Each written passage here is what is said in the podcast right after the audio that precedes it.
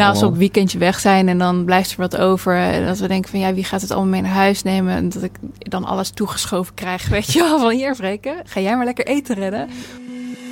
Dit is Het Groene Hart van. De podcast van Happiness en Growth Thinkers, waarin we op zoek gaan naar het groene hart van onze gasten. Een gesprek met Freke van Nimwegen, medeoprichter van Instok. Het restaurant in Nederland dat voedselverspilling letterlijk en figuurlijk op de kaart zet.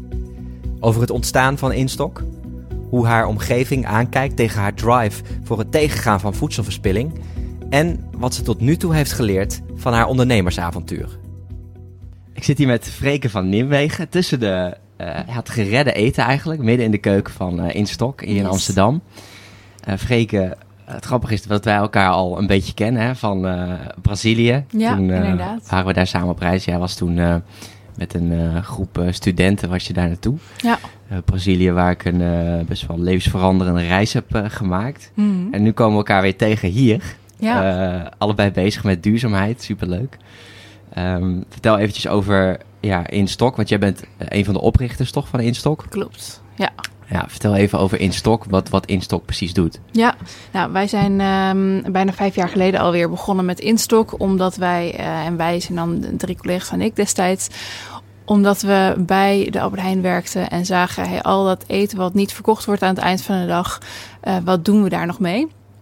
En toen zijn we eigenlijk eh, eh, gaan nadenken wat we ermee konden doen. Nou, uiteraard koken. En zo hebben we eh, een restaurantketen inmiddels opgestart. Waar wij voedselverspilling letterlijk en figuurlijk op de kaart zetten. Dus op de menukaart Dus eigenlijk. jij werkte bij Albert Heijn Ja. en je zag eigenlijk een, samen met een paar anderen, zag je een soort kans of een, ja, een manier om iets te verduurzamen.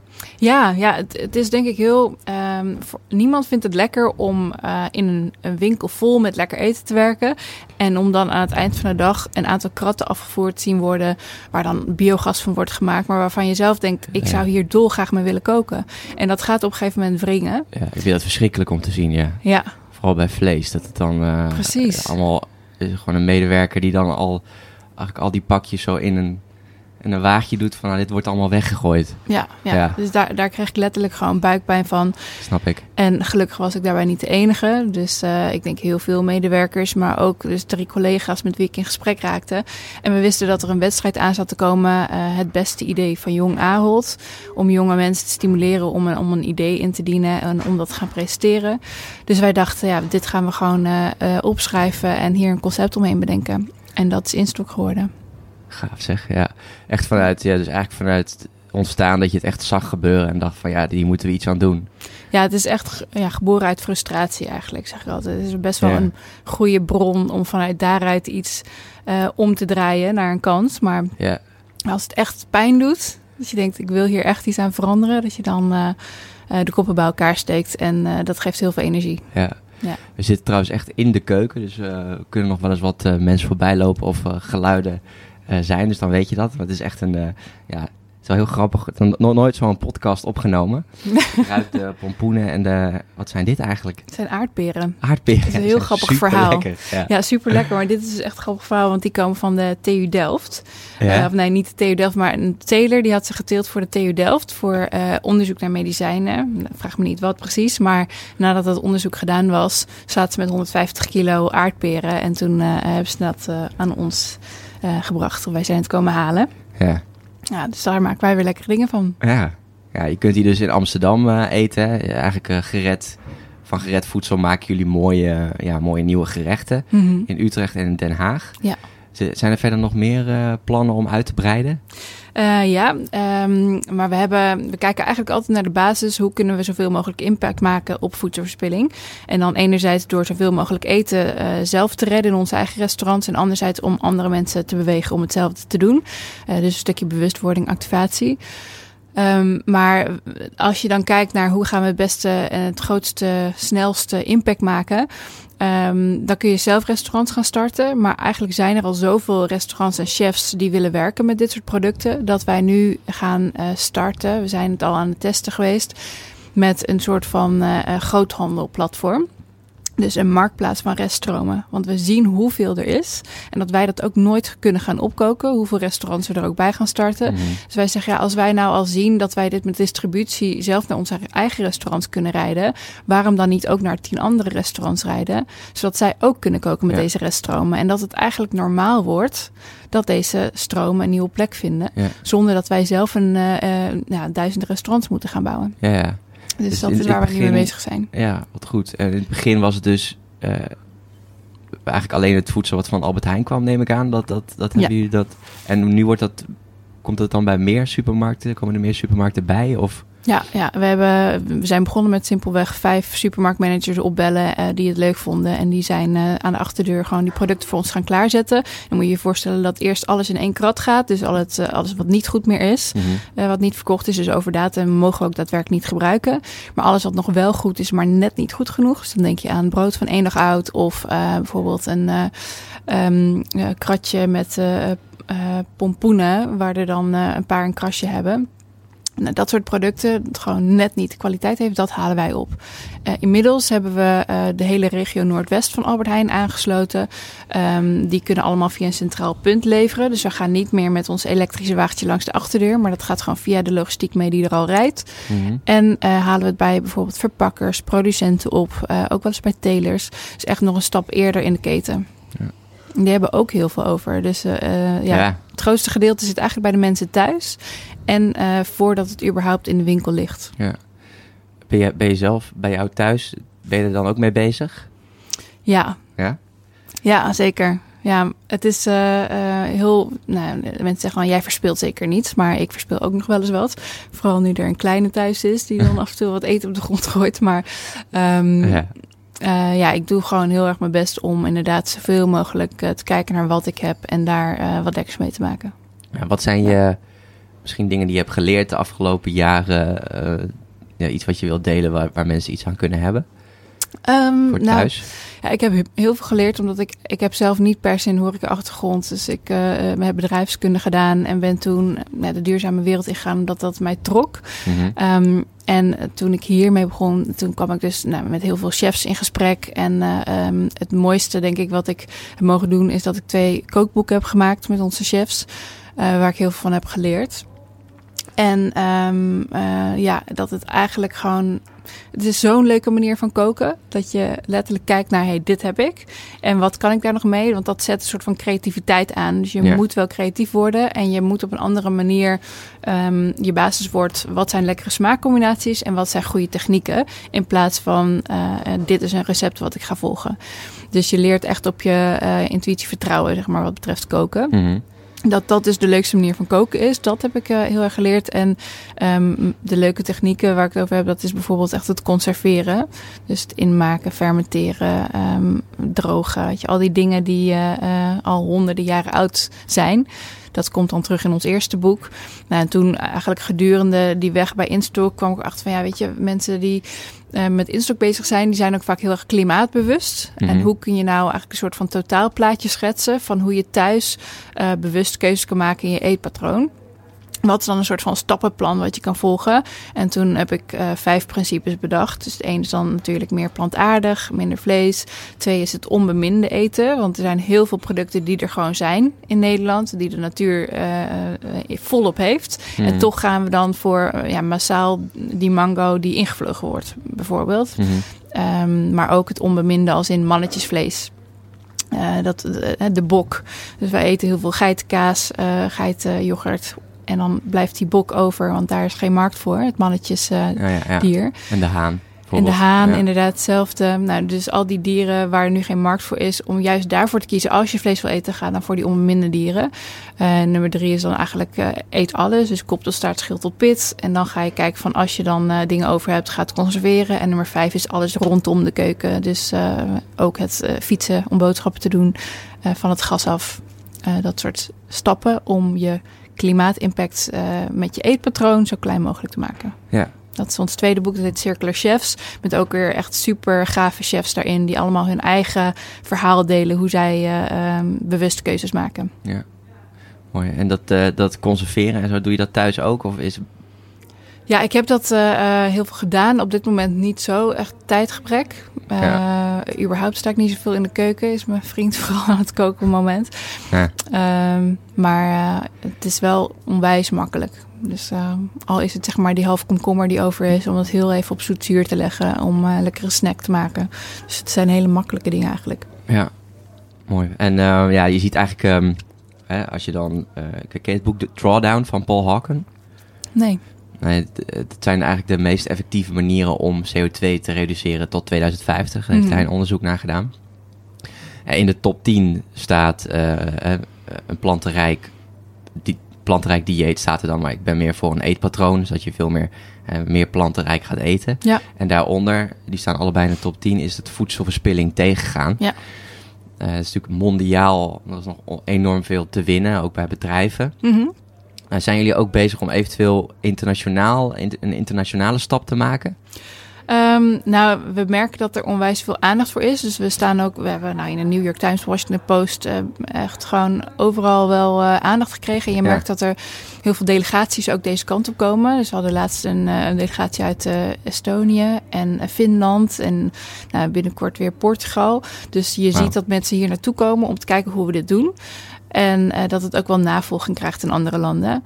Uh, wij hebben zelf nog niet een manier gevonden om zeg maar echt in stok naar al die landen uh, zeg maar te brengen. Omdat het heel moeilijk is om hier een restaurantketen op te zetten, laat staan in het buitenland. Maar we zitten wel te kijken van nou, hoe kunnen we het toch verder brengen zonder dat we het echt zelf hoeven te doen. Dus dat is wel een droom die we hebben. Hmm. We hebben nu nog in Nederland heel veel te winnen, maar zeker het zou mooi zijn om de beweging echt internationaal te trekken. Hoe, hoe, hoe, urgent is dit voor jou, dit thema, als Freken? Hoe leeft dit in jou? Ja, enorm. Ja, ja, ja het is... Uh, uh, ik ben er... Um, even kijken, toen ik begon met werken, dat was 2012. Toen stuitte ik eigenlijk voor het eerst echt in de zeg maar, zakelijke wereld op het onderwerp. Als in, ik ging bij Ahold werken op de duurzaamheidsafdeling. En dit onderwerp was mijn thema waar ik iets van moest vinden. En beleid eigenlijk moest gaan uh, ja, integreren in de operaties van Ja. Albert Heijn en alle uh, andere maatschappijen. Ja. Um, dat was voor het eerst dat ik zag van wow, dit is echt massive, dit probleem. En datzelfde jaar kwam er toen een documentaire uit op Zembla um, uh, over, uh, over voedselverspilling. En dat was voor het eerst in Nederland dat het zo groot, um, ja, eigenlijk belicht werd hoe groot het, onder, hoe groot het probleem eigenlijk is. Mm -hmm. En dat uh, was dus 2012, zeven jaar geleden. En er is eigenlijk heel weinig veranderd. Dus uh, wat er veranderd is, is dat er veel meer bewustzijn is. Dat het echt een thema is. Toen wij in 2014 in Stok begonnen, was het nou één keer in de maand misschien dat voedselverspilling in het nieuws was. Ik heb zo'n Google Alerts aanstaan. Dat is nu dagelijks. Staan er vijf berichten weer online met wat er allemaal gebeurt op het gebied van voedselverspilling. Dus er gebeurt veel meer. Maar als je kijkt aan de achterkant, en dat is eigenlijk dus eigenlijk gewoon ook een systeemfout van waarom voedselverspilling nog steeds zo massaal gebeurt aan de basis is niets veranderd. Zeg maar die fundamenten, en dat is eigenlijk de fundamenten van de economie, dat is nog steeds hetzelfde. Ja. Dus we zijn met z'n allen nu heel hard aan het trekken van oké, okay, er moet iets gebeuren. En wij zijn niet meer de enige ondernemers. Er zijn uh, inmiddels misschien wel 30 ondernemers in Nederland die, uh, die iets doen met het onderwerp. Uh, de overheid vindt het veel belangrijker, het bedrijfsleven vindt het veel belangrijker. En toch, zeg maar, ja, er zijn echt veel mensen die er iets positiever in staan. Die zeggen van nou, er is al heel veranderd en we verspillen minder tijd. Maar ik zie toch nog niet die, die, die grotere omslag die ik had gehoopt.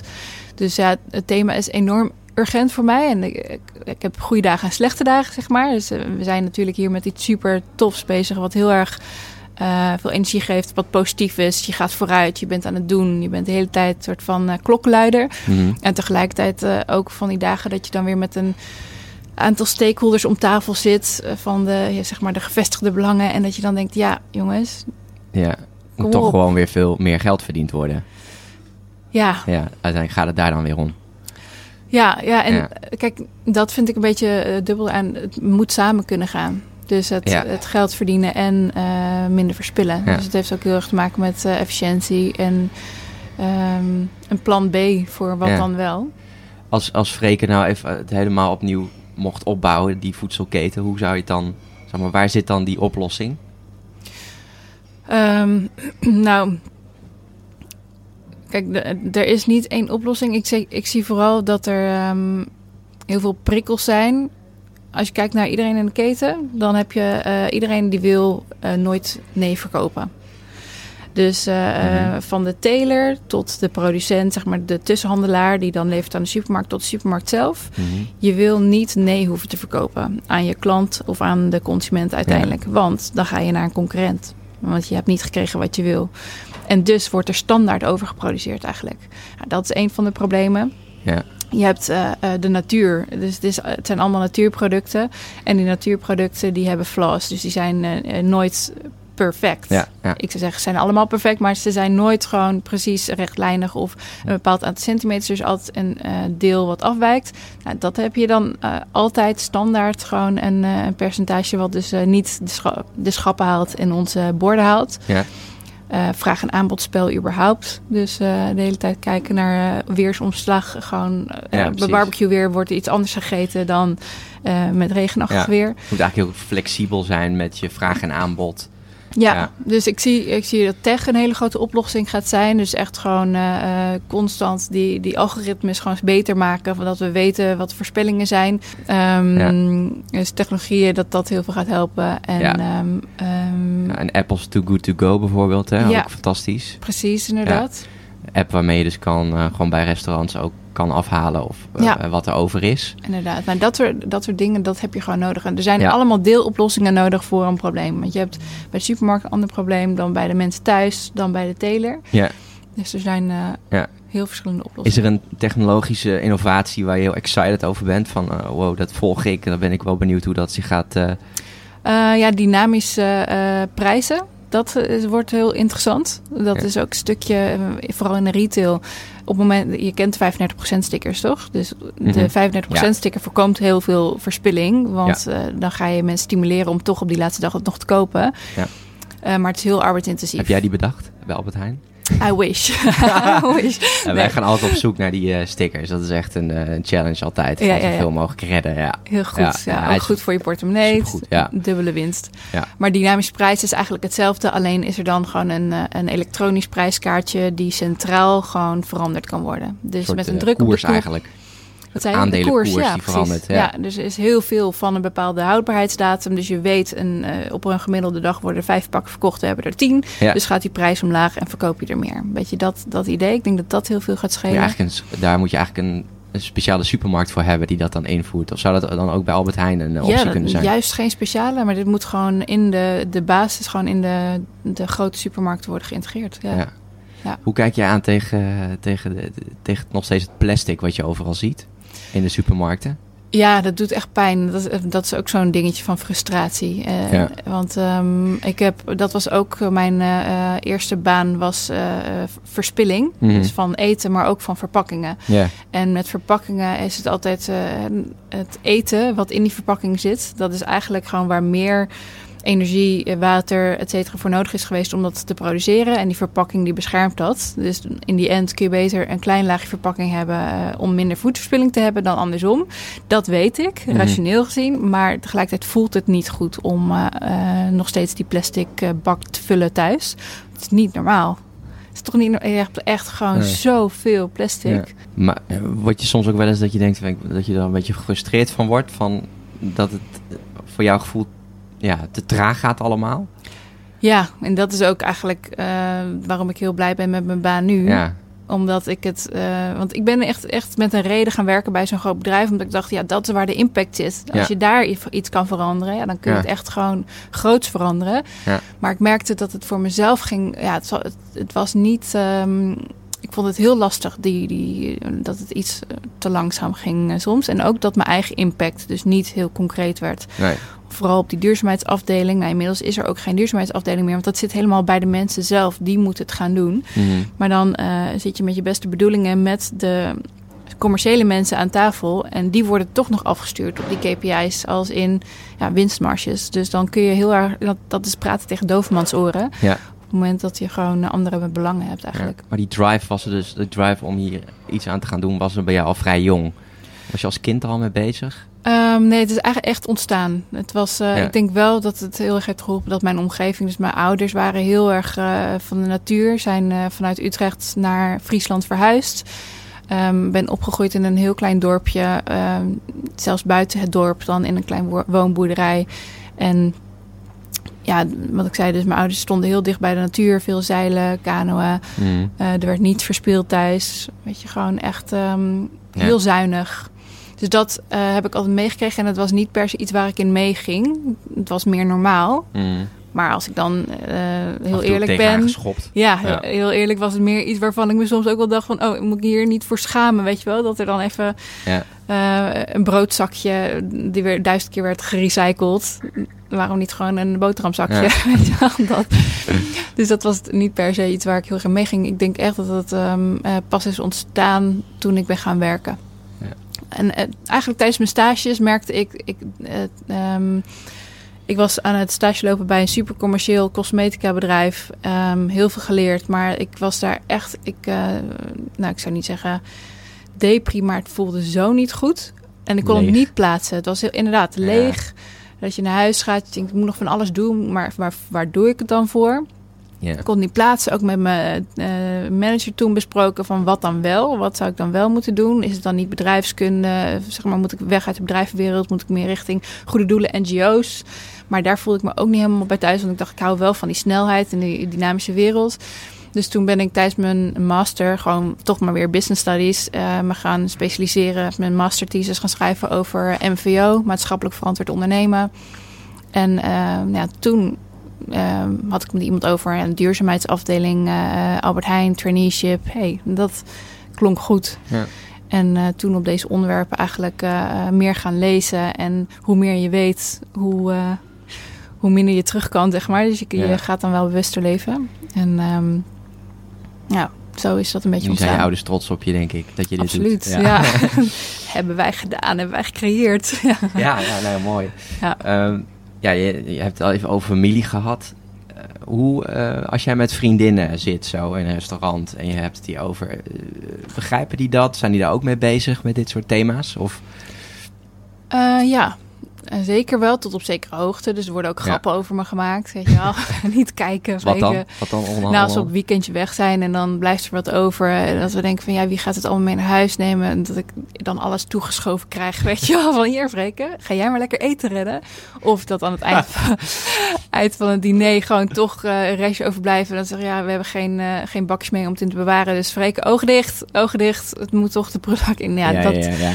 En uh, um, ik heb ook wel geleerd om daar ook over te kunnen lachen. Want vroeger kon ik me daar heel onzeker over voelen. Dat ik mhm. dan dacht van, oh ja, kom ik weer aan met mijn, uh, met mijn vingertje of zo. Maar dat, ja, het, uh, het is leuk dat mensen ook gewoon zien uh, dat, ik het, dat, dat het ook op een positieve manier kan, zoals ze met Instok doen. En dat heel veel mensen ook tegen me zeggen: Ik moet altijd aan je denken als ik iets weggooi. Dus ik gooi nu toch maar veel, veel minder weg, ja. omdat het altijd gewoon ja. heel slecht voelt. Klein vreken op, op schoudertje die zegt: uh, Niet weggooien. Precies. Ja. ja. En verder, verder in je omgeving ja, merk je ook wel eens dat je dan af en toe tegen dingen aanloopt. Ja, dat zijn, dit, de, tenminste, dat is natuurlijk wel een ding. Uh, als je hiermee bezig bent, dan is dat soms wel, tenminste, ik vind dat soms wel lastig. Weet je, ja. Dat je, ja.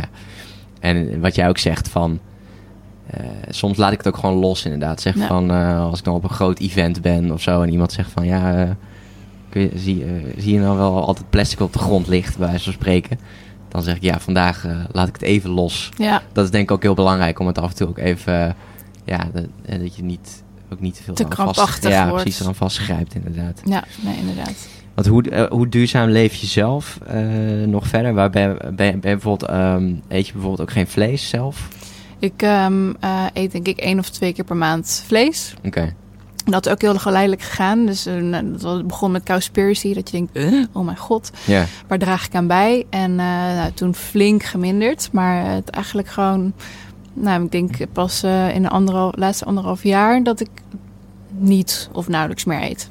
Nee. Maar ik zeg nooit ik ben vegetarisch. Om de, tenminste, als ik uit eten ga, dan uh, eet ik gewoon uh, vegan. Maar um, ik hou er heel erg van om mezelf niets op te leggen.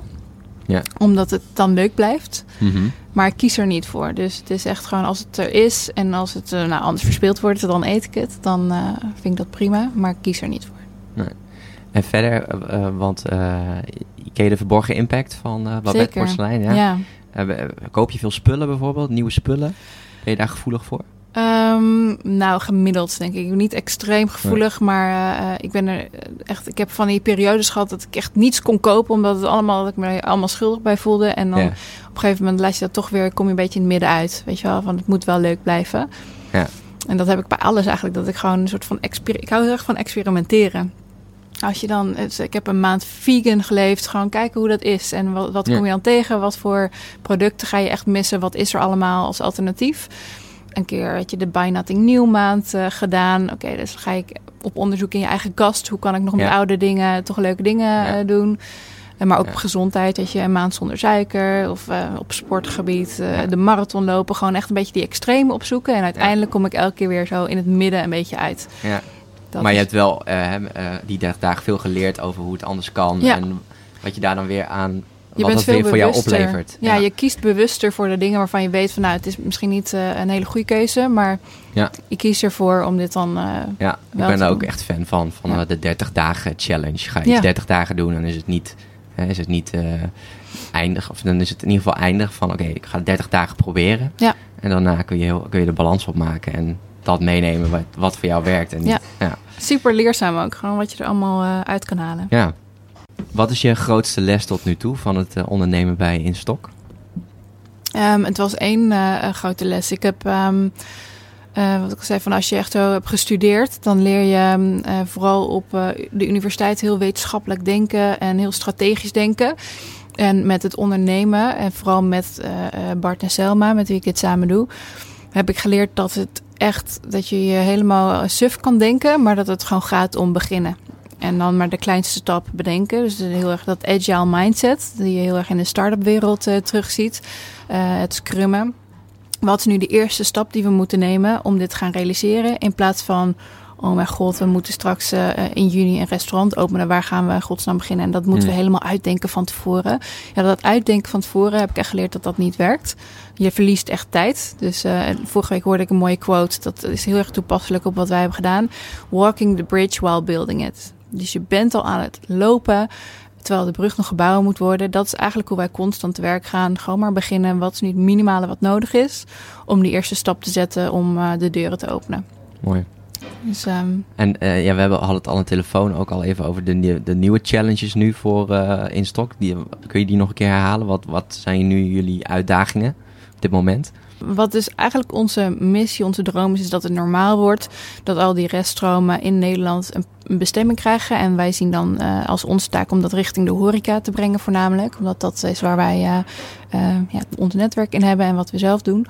Mm, mm. De uitdaging daarin is, is ja, een stuk logistiek, coördinatie, het verdienmodel rondkrijgen. Want het is eigenlijk, het komt altijd weer op dat verdienmodel in de economie terug. Ik vind ja. uh, Kate Raywood ook is echt ja. een, een, enorm voorbeeld van de donut-economie. De donut-economie, ja. zeg maar, de basisfundamenten van onze economie kloppen niet. Nee, en wij proberen toch op die basisfundamenten die eigenlijk niet kloppen, proberen wij nu een circulair model of een circulair bedrijf neer te zetten, waarbij je merkt dat het wringt. Want eigenlijk kun je beter voor een restaurant is het gewoon, uh, voor ons zou het goedkoper zijn om nu bij de groothandel gewoon uh, ons groente en fruit te gaan kopen. Hmm. Dan het op te halen in de hele keten en daar een heel systeem voor op te zetten om dat te gaan redden van de verspilling. Yeah. Dus wat wij doen is duurder dan gewoon die reguliere producten in de winkel kopen. Nou, dat is toch wa waanzin eigenlijk dat je, uh, ja, dat dat dus gewoon die economische yeah. principes die stimuleren gewoon verspilling. Ja.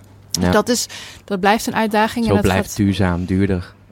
Zo blijft ja. duurzaam duurder. En wij ja. proberen uh, dat juist niet te doen. Dus ja, dat mooi. zorgt ervoor dat we eigenlijk gewoon uh, een niet zo heel erg interessante business case hebben. Maar we geloven wel dat als wij schaal gaan maken, dat dat wel moet kunnen. En gelukkig hebben we gewoon een aantal mensen die dat met ons geloven. Dus uh, we krijgen hulp van een aantal partijen die zeggen van nou, we willen jullie steunen om dit ook groter te gaan maken. Um, dat is een uitdaging. Ja, en uh, heel plat gezegd, personeel, uh, horeca uh, personeel is gewoon een enorme uitdaging op het moment. Chefs is echt een uitstervend beroep. Super erg eigenlijk, want die staan het dichtst bij eten. Ja. Maar um, je Die merkt... zijn, zijn hier nog naar op zoek dus ook. Ja. Dus als je, en dus als mensen die nu luisteren, als die zouden willen helpen, ja. dan kunnen die of in de keuken ja, we hebben echt bijna altijd wel uh, plek om uh, talentvolle mensen hier aan te nemen. Dus chefs, sous-chefs, zelfstandig werkend koks, maar ook bediening, supervisors. Ja. Ehm, ja. En er komt nu ook zo'n Rescue Food Center aan. Hè? Zijn jullie nu mee bezig? Een soort hub waar alles, al het eten eerst naartoe gaat voordat het naar de restaurants gaat. Ja. Zijn daar nog mensen voor nodig? Ja, we hebben eh, wat daar eigenlijk voor- vooral nodig is, is sorteerders. Dus eh, eh, letterlijk gewoon de hele tijd die reststromen. nou, ik noem het reststromen, is het eigenlijk. Het, het klinkt zo neerbuigen, maar het zijn gewoon echt mooie producten die Ja. je ontvangt, die je sorteert en die Food je klaarzet. Ja, Ja, de, de geredde producten inderdaad. Ja. Ehm, eh, dus de sorteerders, de chauffeurs die het weg willen rijden naar alle horeca. En ehm, eh, ja, in het Food Rescue Center eh, eh, zullen we vooral zelf nu heel hard aan de bak gaan. Ja. Ja. Tot slot, moet er nog iets van jouw groene hart, iets wat je tegen de luisteraar nog zou willen zeggen? Ehm, nou, wat ik zelf, waar we het net ook al over hadden, is gewoon, je hoeft het niet gelijk perfect te doen. Dus die, die middenweg is ook oké. Mhm. Ehm, en dat je echt kan stemmen met je geld en met je vork. Dus gewoon eh, de duurzame keuzes maken.